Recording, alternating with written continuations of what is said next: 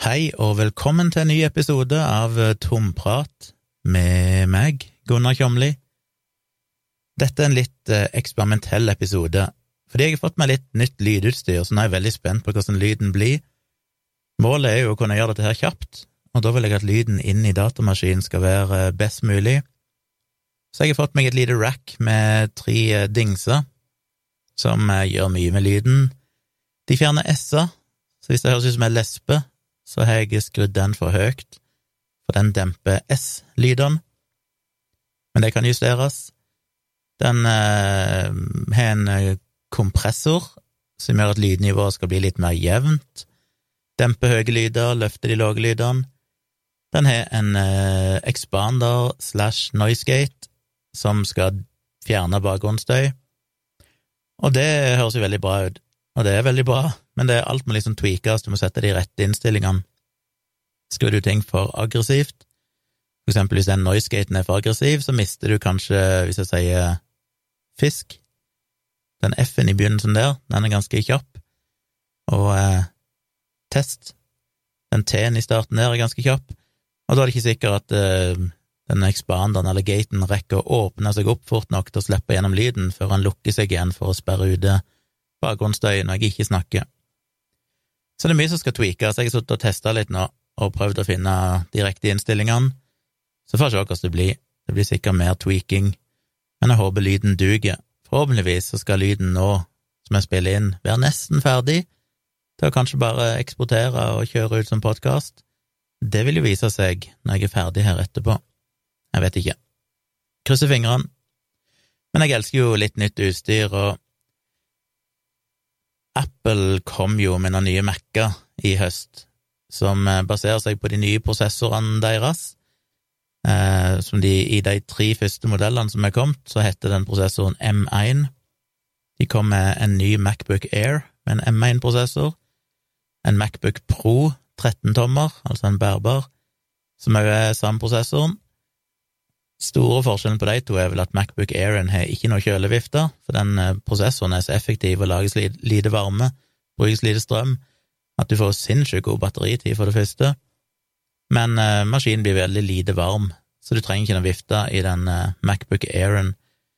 Men det gjør vel òg at de da har på en måte knept litt igjen på hvor mye du kan få ut av prosessoren, så den ikke skal bli for varm, mens i Macbook Pro-en så har de ei kjølevifte, selv om den, sammenlignet med dagens Macbook Pro eller de som var tidligere, som kjørte Intel-prosessorer, så er det jo en helt forskjellig verden. Jeg har jo en Macbook Pro 13-tommer med Intel-prosessor, og den vifta der spinner jo opp stadig vekk og suser og bråker, som er skuffende.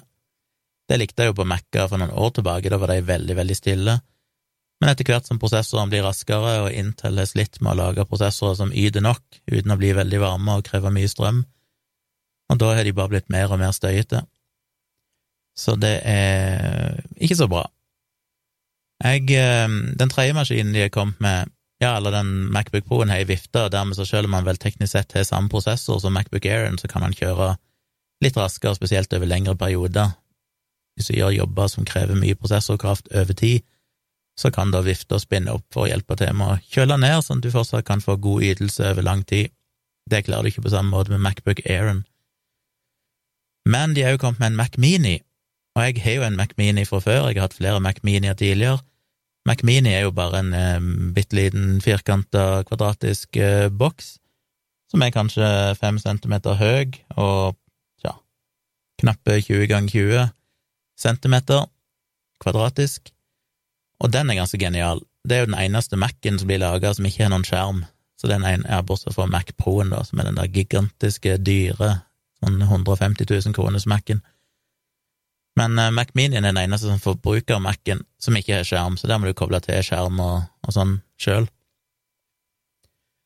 Og jeg har lurt litt på, for her uh, på hjemmekontoret mitt slash studioet, så har jeg jo en uh, iMac som jeg kjøpte i 2019. Jeg har denne Mac Minien som jeg tror kanskje jeg kjøpte samme året, den er jo kanskje 2019-modell. Og så har jeg en Macbook Pro og den Macbook Pro-en, den 13-tommer bærbare, den bruker jeg når jeg reiser rundt på ferie, eller holder foredrag, eller skal ha møte med kunder, et eller annet sånt. Eh, men jeg bruker den også på livestreams, så når jeg har livestream på YouTube, så bruker jeg Macbook Pro-en den her foran meg til å liksom kunne slå opp ting og sjekke ting og og den kan jeg jo dele skjermen på i streamen, så hvis jeg skal vise et eller annet, ei nettside eller noe sånt, så kan jeg gjøre det. Mac-minien er kobla til den maskinen som jeg bruker til å livestreame med, og så bruker jeg da iMac-en her til min vanlige datajobbing og redigering av video og sånn, for det er den kraftigste maskinen. Og så har jeg lurt litt på, for dette er jo en iMac, og en iMac er ganske kraftig i utgangspunktet. Mac Minien har ikke kunnet målt seg primært fordi at jeg kjøpte denne iMac-en med en litt ekstra kraftig uh, grafikkprosessor, fordi jeg ville få mest mulig ut av den til å redigere bilder og video og sånn. Macminien, denne Macminion jeg har, har jo en søppelgrafikkprosessor som nesten ikke duger til noen ting, og Macminion er jo ikke laga egentlig for å drive med sånn krevende grafisk arbeid, en glitrende kontormaskin eller medieenhet eller et eller annet sånt, men han duger ikke til å, å gjøre noe sånn avansert grafisk.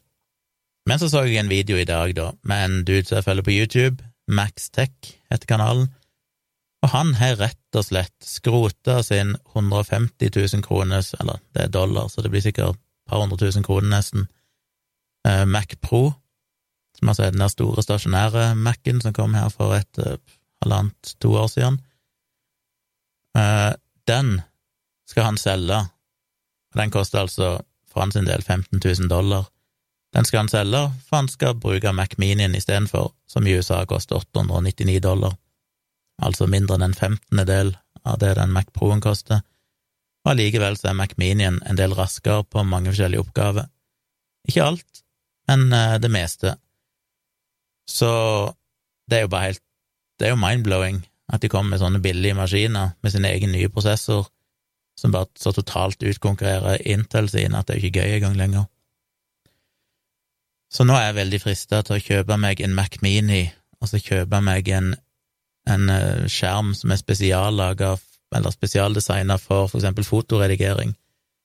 Det er jo en del egne skjermer som legger mye vekt på at, de er liksom, at fargene er korrekte på skjermen, og sånne skjermer koster litt mer. Fordi, eh, ja, de er fargekalibrert, og de skal liksom være veldig presise og dekke alle fargene korrekt.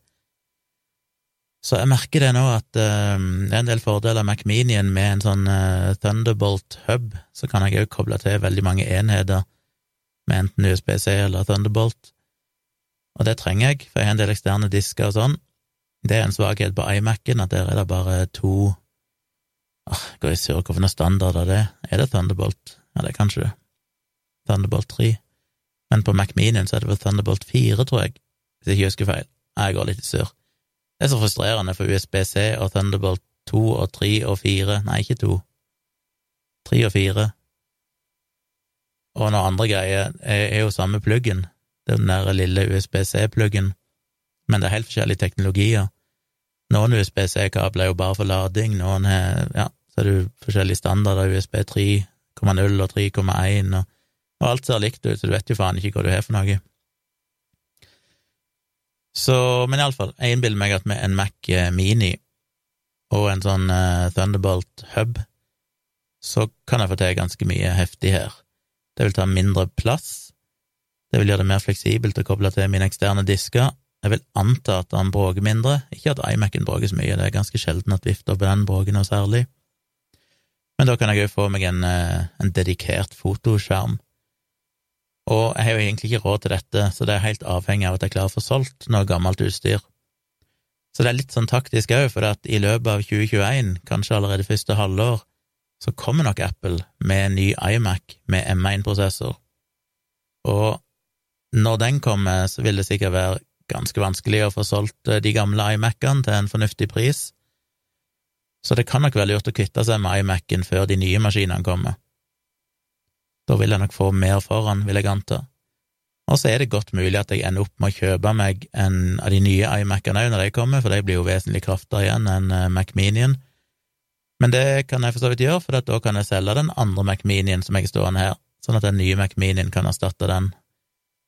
Så på den måten, litt sånn fase gradvis, og tenke litt taktisk, så kan jeg kanskje få mest mulig ut av det, og ende opp med å basically få bytte ut utstyret ganske billig, fordi denne iMac-en jeg så litt på finn.no, den går fortsatt brukt for muligens opp mot 25 000, Og jeg har god erfaring med å selge Mac-er. Jeg, solgt, jeg selger som regel alltid gamle Mac-er når jeg kjøper nye, og får veldig god pris for de.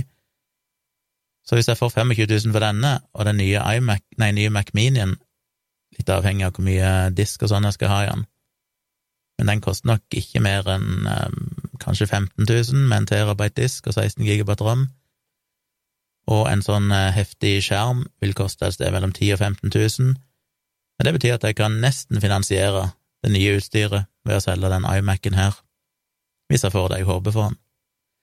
Og det er jo alltid en risiko, for jeg kan ikke selge den iMac-en før jeg har de nye, og da vet jeg jo egentlig ikke hva jeg får for den, så jeg må på en måte investere i det nye utstyret først, og når det er på plass, sånn at jeg kan jobbe uavbrutt, så kan jeg selge den gamle iMac-en. Og da bare, må en jo bare håpe at jeg får nok til å dekke kostnadene. Jeg får se, jeg har ikke helt bestemt meg, jeg er veldig frista akkurat nå. Jeg har veldig lyst på et uh, nytt oppsett her, som tar litt mindre plass. Og så lurer jeg jo på om jeg skulle kjøpe, for nå har jeg to skjermer. Jeg har jo iMac-en, som jo er en uh, maskin med innebygd skjerm, og så har jeg en stor, ok, en 32 tommers 4K-skjerm på sida, så jeg har to skjermer.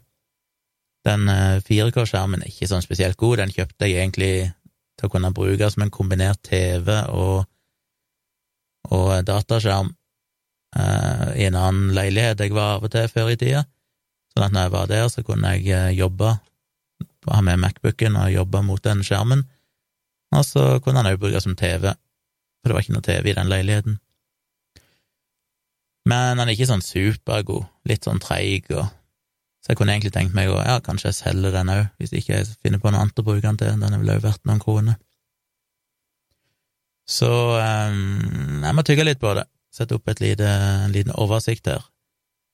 Men eh, det deprimerende er jo at sannsynligvis er den Macminian som da til og med omtrent i grunnversjonen, som koster kanskje koster den i Norge 10 000-11 000, er sannsynligvis raskere enn denne iMac-en jeg har, som sikkert kosta meg ja, Jeg husker ikke lenger, sikkert 35 000-40 000 i sin tid. Men tidene går framover, og det har jo skjedd et uh, kvantesprang i ytelse nå som Apple har kommet med de nye M1-prosessorene. Og jeg gleder meg jo så et barn til de kommer med de nye iMac-ene med de nye prosessorene. Det heter kanskje ikke M1, kanskje det heter M1X eller M2 eller gudene vet, men de kommer til å bli latterlig kraftige. Men hvis jeg nå kan få en Mac Mini som allerede er raskere og tar mindre plass og er mer støyfri og har mer tilkoblingsmuligheter, raskere overføring, så er jo det bare gull. Så det skal jeg tygge litt på. Jeg eh, fikk en mail her til min e-postadresse, som jo er tompratpodkast at gmail.com, og jeg sier som vanlig podkast med C. Tompratpodkast, altså, gmail.com. En som eh, hadde funnet et, en artikkel i avisen, i Sandefjords Blad, der det skrev om en eller annen eh, dagligvarebutikk i Sandefjord som desinfiserer mot korona konstant, døgnet rundt og det er fordi de har en eh, liten dings, en maskin Skal vi se, er det bilde av den her? Det er jo en, eh, et bilde her, men jeg ser ikke akkurat hvor den dingsen er hen på dette bildet. Kanskje de er montert opp under taket, eller noe sånt. Men det er basically en slags, eh, nesten som en aircondition, bare at den desinfiserer luftet, spesielt med ultrafiolett stråling. Og produktet heter altså Biozone, og han sendte meg en mail her og sa at uh, Ja, hva var det han sa?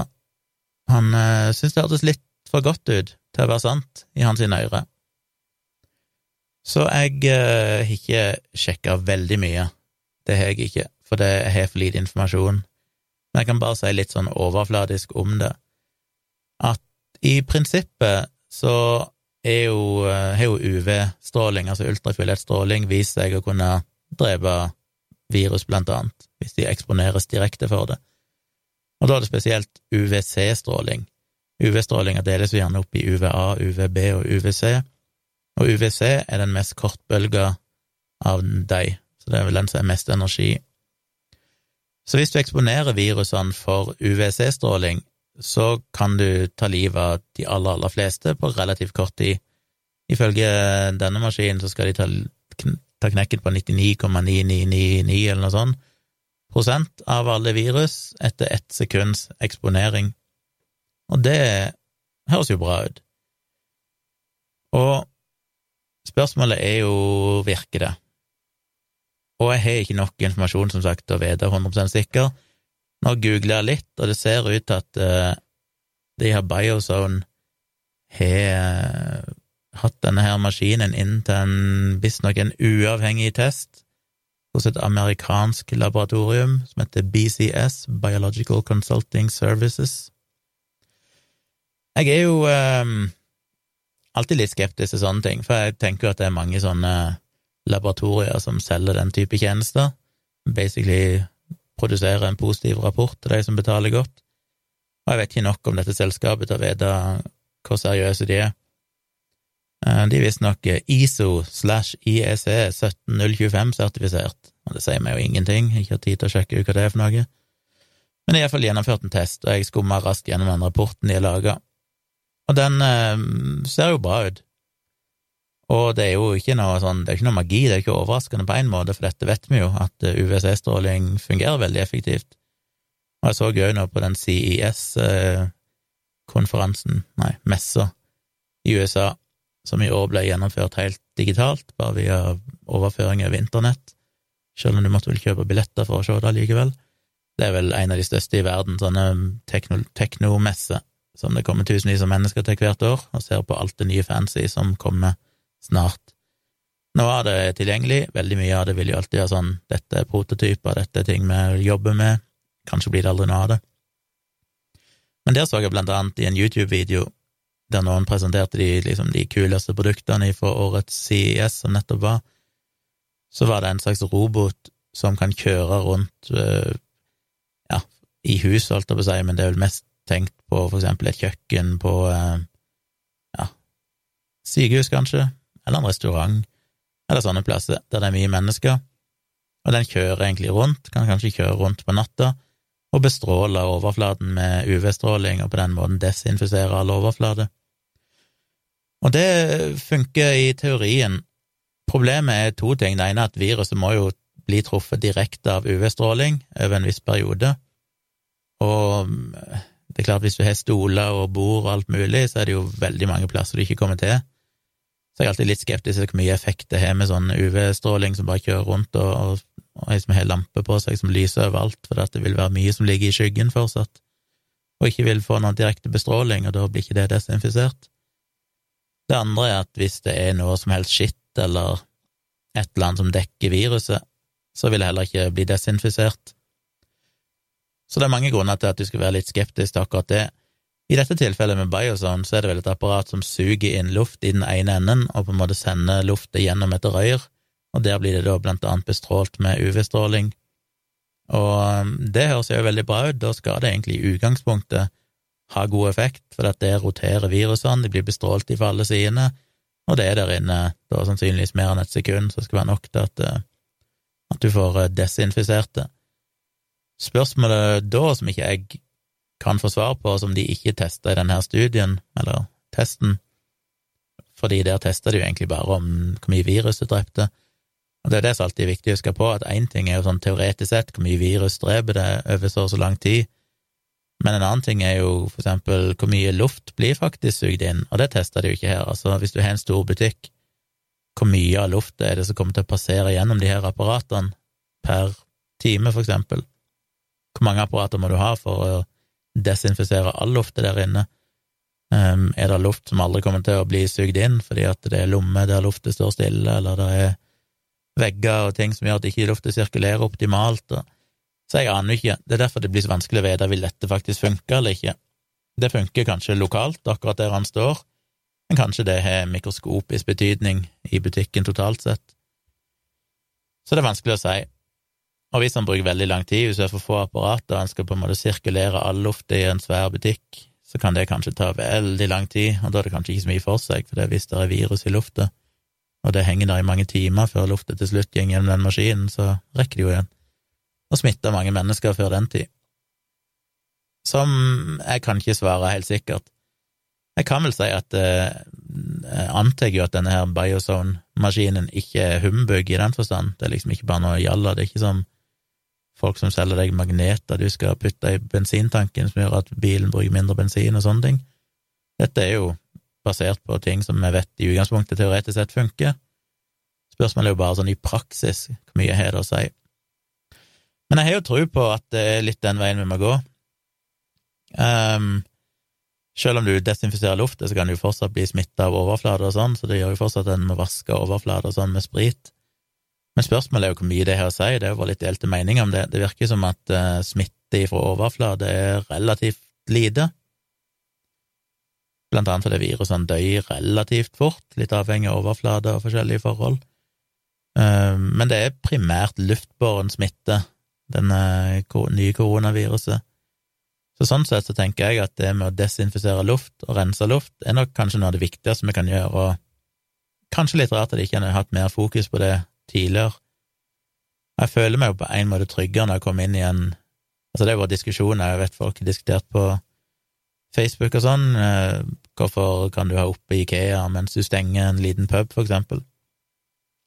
Og for meg så tenker jeg at det handler jo om at ja, det er mange, veldig mange mennesker på Ikea, men det er jo gigantiske haller, gigantiske bygninger.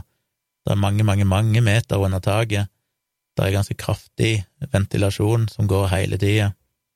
Så det er på en måte et stort volum med luft som sirkulerer og blir bytta ut, regner jeg med, relativt uh, heftig. Uh, så selv om det er mange mennesker, så, så tenker jeg bare at virusene får ganske mye større plass å boltre seg på. Mens i en liten pub, for eksempel, så er det jo bare rett og slett mindre volum mindre plass, lavere under taket, og du blir på en måte mer direkte eksponert for de virusene som eventuelt måtte sirkulere.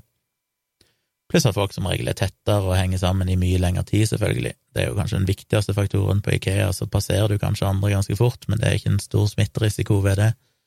Det er mer om du sitter sammen i 10-15 minutter eller mer, at det begynner å bli et problem. Så jeg føler meg tryggere i lokaler der jeg føler det høyt under taket og mye volum, og forhåpentligvis da en viss eh, ventilasjon, for det tror jeg er viktig. Så vi får se. Eh, de begynner iallfall å bygge dette ut flere og flere plasser nå, i USA og på sykehus og en del sånne plasser, så ser jeg de har tatt i bruk forskjellige typer UV-apparater for både å rense luft og andre ting. Så det kommer kanskje mer og mer. Det er kanskje litt seint, men bedre seint enn aldri. Jeg eh, har fått et fotooppdrag òg, og det er litt gøy. Jeg driver jo med foto, som noen av dere vet, og har gjort ganske mange etter hvert sånne modellshoots, men det er såkalte TFB-shoots, altså det er basically gratis. Modellen stiller opp gratis, og jeg stiller opp gratis. Men jeg har jo lyst til å tjene noen penger på dette etter hvert, og jeg liker jo å tro at eh, bildene mine er gode nok til at eh, folk vil være villige til å betale for å få brukt meg som fotograf. Og det sier jeg med all mulig ydmykhet. Jeg vet at jeg er relativt uerfaren, og jeg vet at jeg har lang vei å gå. Men jeg har jo sett en del fotografer allerede på Instagram og Facebook og sånn, som tydeligvis jobber som fotografer, som jeg syns er bilder som er vesentlig dårligere enn mine. Men jeg har jo sett selvfølgelig mange fotografer som er kanonbra bilder, så poenget er at jeg, jeg ligger vel ikke spesielt langt unna mange av de andre. Eller jeg er vel ikke unna mange av de andre som faktisk lever av det.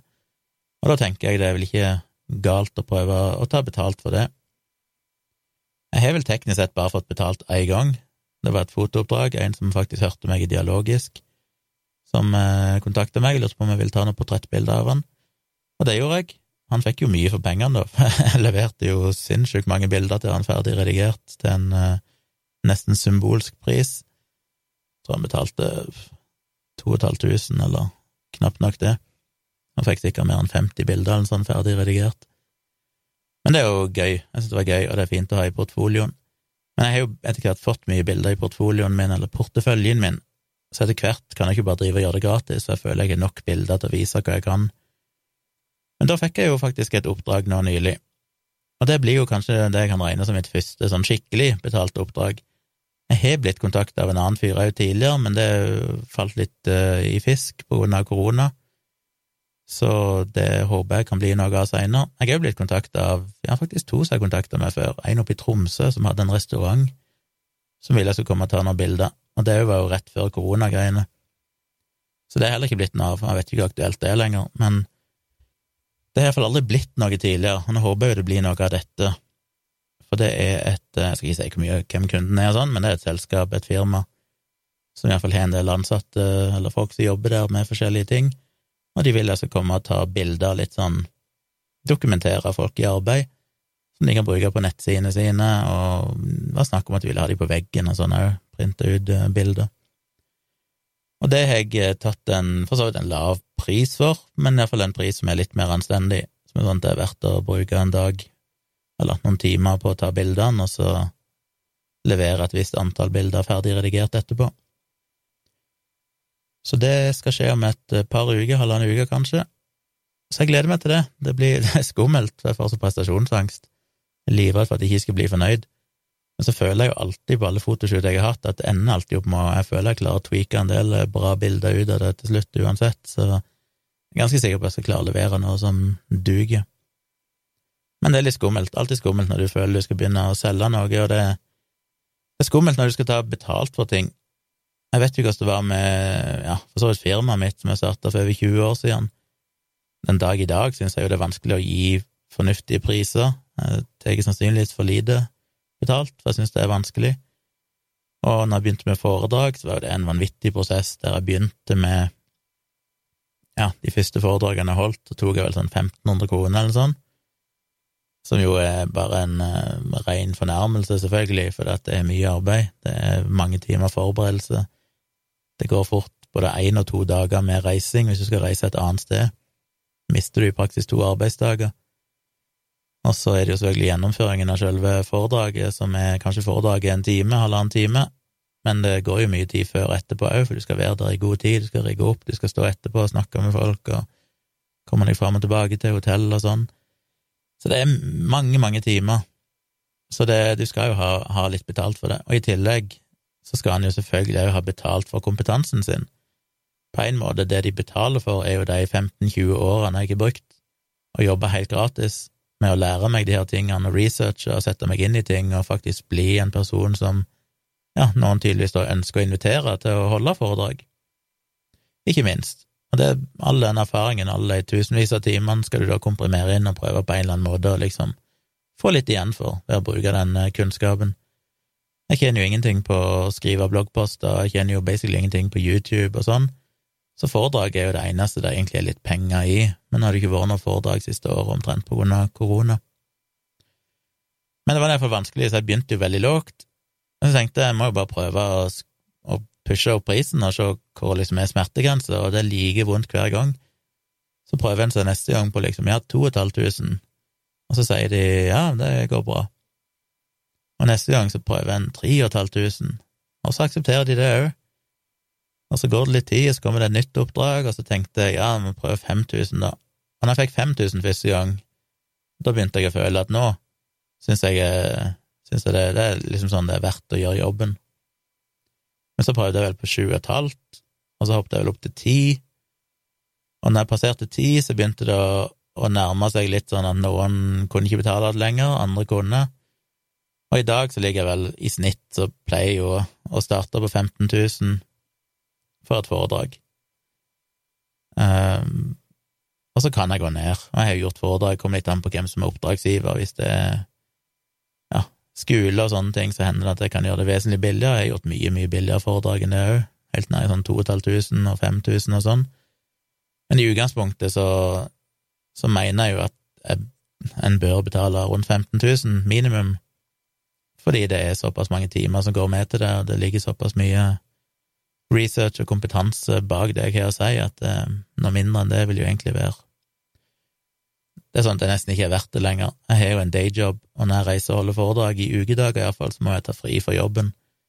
Så det går jo på bekostning av andre ting.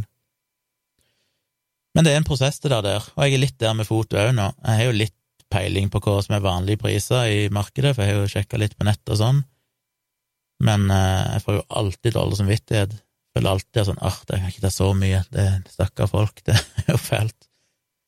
Men så vet jeg jo innerst inne at men jeg kommer til å bruke så mange timer. Det å redigere bilder sånn tar jo mange, mange timer. Jeg må liksom bare prøve å gjøre en mental kalkyle og se hvor, hvor mange timer kommer jeg til å bruke, tror jeg, på dette her. Og så prøve å regne ut sånn hvor mye må jeg egentlig ha før jeg i det hele tatt synes det er verdt å gjøre jobben. og så skrur jeg ned prisen en del, fordi at jeg tenker at ja, men det er fortsatt fersk, og det er første oppdrag, og Så det blir litt sånn. Så jeg begynner iallfall på en pris, den ble akseptert, så det er jo et tegn på at da er det vel ikke en upris. Eh, så kanskje jeg tør å gå litt høyere neste gang, hvis jeg blir booka inn. Men det blir spennende. Jeg gleder meg til det. Fotooppdrag, jeg elsker jo å ta bilder, det er gøy. Men da må jeg kanskje ha en ny iMac, nei, en ny Mac Mini for å redigere de. Nei, jeg trenger vel ikke det.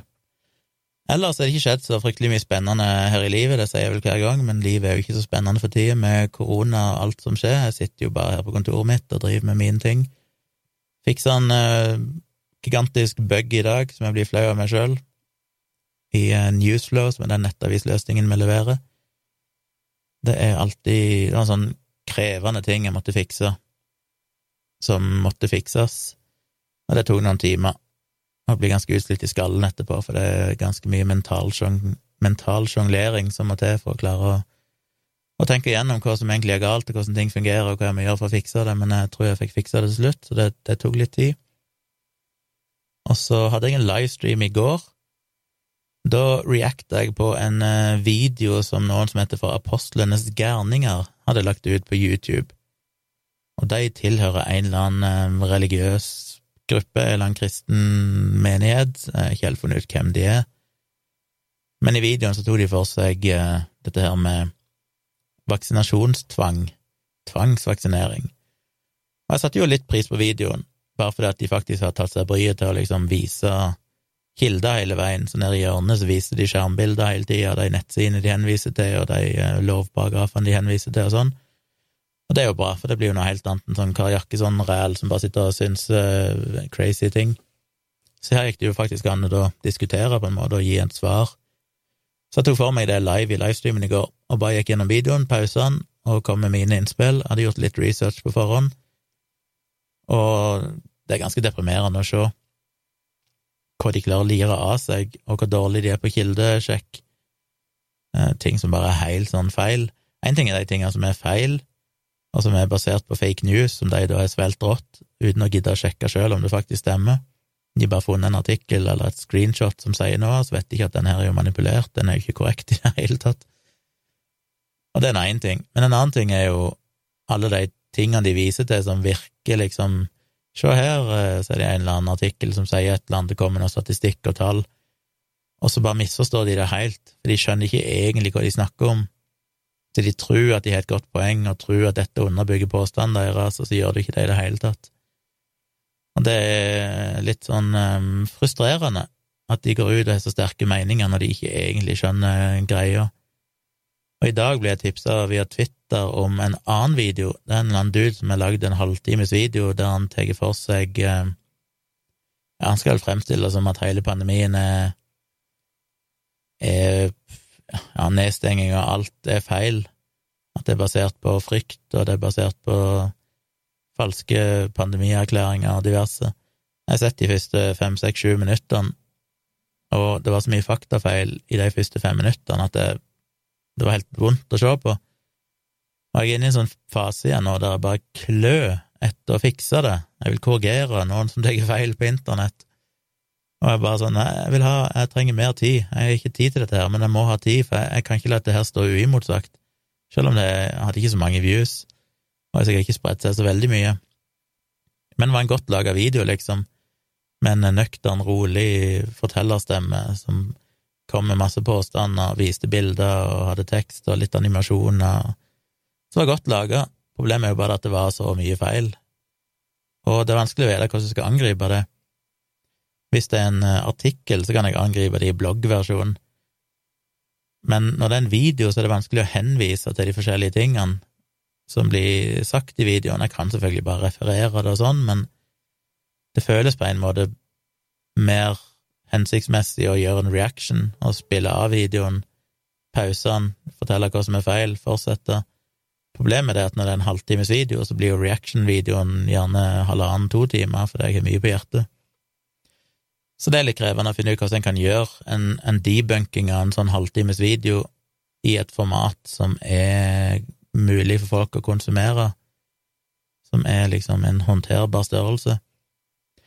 Det har jeg ikke gjort med reaction-videoene mine live tidligere, at jeg har gjort live reaction, og de blir ofte ganske lange, men så har jeg lagd en, en kortversjon der jeg redigerer vekk det meste, så ikke folk trenger å sitte og se hele originalvideoen, og jeg klipper vekk en del av det jeg sier. Hvis jeg har stotra og hatt noen dårlige argumenter eller ikke helt vært on point, så bare fjerner jeg det for å prøve å komprimere det til at det blir mest mulig sånn konkret og ja, og gi en representativ fremstilling av påstandene i videoen og, og med mine tilsvar. Så det er mulig. Jeg får se, jeg, jeg må se ferdig den videoen, og jeg har litt lyst til å reacte på den, om jeg kommer til å gjøre det live, eller om jeg bare gjør det, spiller inn meg sjøl her på kontoret, det får jeg se. Men det er for fristende. Men det er frustrerende med hvor mye sånn som er der ute nå. Og jeg blir livredd, jeg får sånn frykt, jeg, for nei, folk må ikke Jeg takler ikke at dette her ligger ute, for tenk hvor mange som ser dette, som kommer til å tro på det. Noen må jo ta ansvar og fortelle at dette her er feil. Og så kunne jeg sikkert bare gitt faen og bare tenkt ja, ja, det er ikke mitt problem. Men jeg blir sånn jeg, jeg, bare, jeg blir stressa av tanken på at dette ligger der ute uimotsagt, og jeg føler at jeg må gjøre noe med det. Så kanskje det blir en jobb i helga. Det nærmer seg jo helg. Vi får se. Det tar tid, sånne ting, men eh, det er fristende, og det er gøy. Og jeg lærer så mye av det, det er det jeg syns er best, at jeg føler jo Litt sånn som jeg var aktiv på å blogge om svineinfluensa tilbake i 2010 spesielt, og 2011, så lærte jeg jo forbanna mye om svineinfluensa leste jo Folkehelseinstituttet sine rapporter og føler jeg kan veldig, veldig mye om det, og kan de fleste argumenter folk har rundt svineinfluensa, har jeg liksom et svar til, fordi jeg har brukt så mye tid på å sette meg inn i det. Og jeg begynner jo å føle at jeg lærer mer og mer om, om koronapandemien i starten, så det tok ganske lang tid, jeg engasjerte meg ikke så mye i starten. Men nå i høst så har jeg begynt å liksom virkelig sette meg inn i det. Etter at jeg begynte å blogge om vaksinene og sånne ting, nye koronavaksinene og sånn, så ble jeg mer og mer fascinert, og ja, og det er gøy, for da føler jeg at jeg har noe jeg, trives jo med å forstå ting, og skjønne ting, og lære ting. Så det blir vel um, Et eller annet blir det, om det blir en reaction eller hva det nå er, det vet jeg ikke. Jeg tror uh, det var en uh, episode. Jeg er veldig, veldig spent på å høre lyden, og håper ikke jeg fucker opp alt med at det er dårlig lyd. Men uh, takk for at dere hører på. Jeg håper dere vil sjekke ut eh, patron.com slash tjomli. Der kommer det jo noen bonusepisoder og sånn. Om eh, halvannen uke, muligens 1. februar, tar det med ei klype salt, det er ikke helt bekreftet, men da skal jeg få en spennende gjest som skal være med meg i livestreamen, og vi skal snakke litt om eh, QAnon og konspirasjonsteorier og sånn. Så muligens mandag 1. februar, dere får nærmere beskjed når det blir. Så håper dere vil kanskje se på det, sjekke ut eh, det hvis dere syns det er et interessant tema. Og så, eh, sjekk meg ut på Patron. Sjekk gjerne ut eh, fotogalleriet mitt på foto.tjomli.com. Og hvis dere trenger en fotograf, så ta gjerne kontakt. Og så har jeg noe mer jeg burde si. Ja, det eneste er jo Melodi Grand Prix nachspiel på lørdag etter delfinalen i Grand Prix. Stikk gjerne innom YouTube-kanalen min da, for da sitter meg og Tone der og kjører et lite nachspiel der vi evaluerer sanger, hører hva dere mener om sangene og, og sånn. Det er moro. Det kan dere være med på. Og ellers er det jo livestreams eh, flere ganger i uka jeg kjører på YouTube-kanalen min, så følg gjerne med der. De blir jo liggende ute, så om ikke dere kan se de live, så går det an å klikke seg inn seinere og kikke på det hvis dere har lyst til det. Så hvis dere har, det var spurte meg hvis de var uenige med noe jeg sa i podkasten, hvor skal de da henvende seg? Vel, du kan jo sende mail på tompratpodkast.gmail.com, eller du kan eh, komme på livestreamen og stille spørsmålet Oi, sorry. Stille spørsmålet live i chatten der, så svarer jeg live. Og hvis du allerede er patron, så kan du selvfølgelig sende det inn på patron-innboksen der, eller via andre kanaler. Alt er mulig. Men da, folkens, takk for at dere hørte på. Jeg ønsker dere ei fantastisk god helg, og så er jeg tilbake igjen om ikke så veldig lenge. Og husk, gi meg noen Jeg har ikke fått en eneste stjerne, tror jeg, inne på iTunes. Jeg tror ingen av lytterne mine gidder gå inn på iTunes og gi stjerner og hyggelige kommentarer, så gjør gjerne det. Um, og tips gjerne andre selvfølgelig om podkasten. Det blir jeg glad for. Ha en god helg, og vi høres igjen snart.